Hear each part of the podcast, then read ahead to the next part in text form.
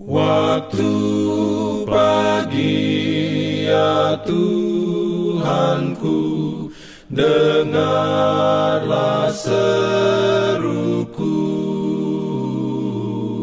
Melayang doa yang sungguh Memandang padamu.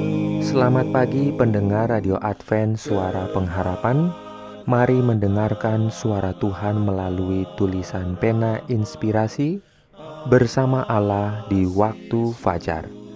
Renungan harian 27 Desember dengan judul Kita akan mendirikan rumah.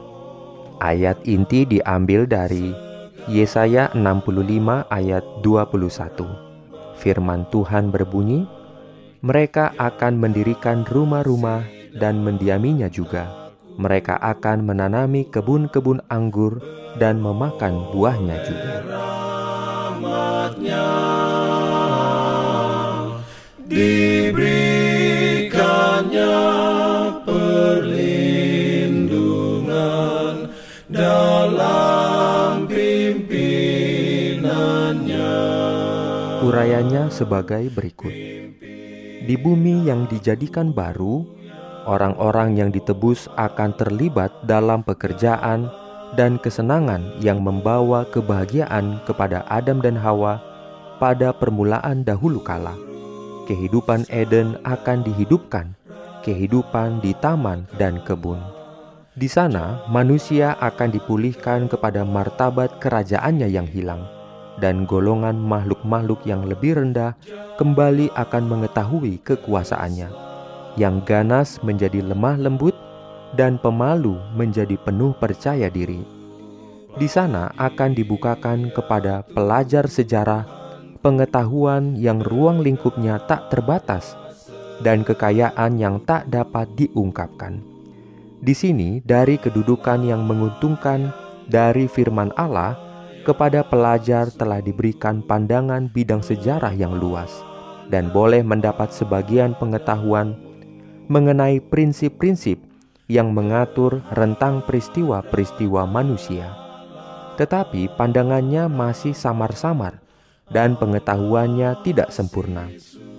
Nanti sesudah dia berdiri di dalam terang kekekalan, maka segala sesuatu akan tampak dengan jelas.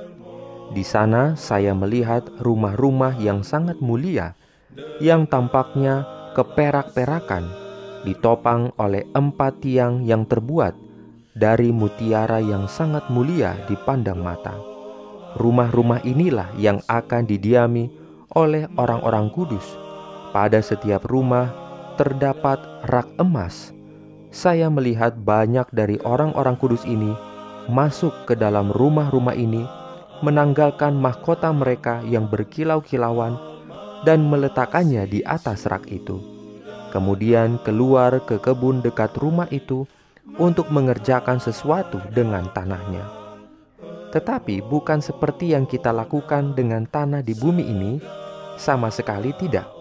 Suatu terang yang mulia bercahaya di sekeliling kepala mereka. Berikut saya melihat sebuah kebun yang penuh dengan rumput yang tinggi, sangat indah dipandang mata, berwarna hijau dan memantulkan warna perak dan emas, seakan dengan megah mengalun untuk memasyurkan kemuliaan Yesus sebagai Raja. Amin. Dalam pimpinannya, pimpin aku. Jangan lupa untuk melanjutkan bacaan Alkitab sedunia. Percayalah kepada nabi-nabinya yang untuk hari ini melanjutkan dari buku satu Tawarik pasal 10. Selamat beraktivitas hari ini. Tuhan memberkati kita semua. Jalan kewajiban,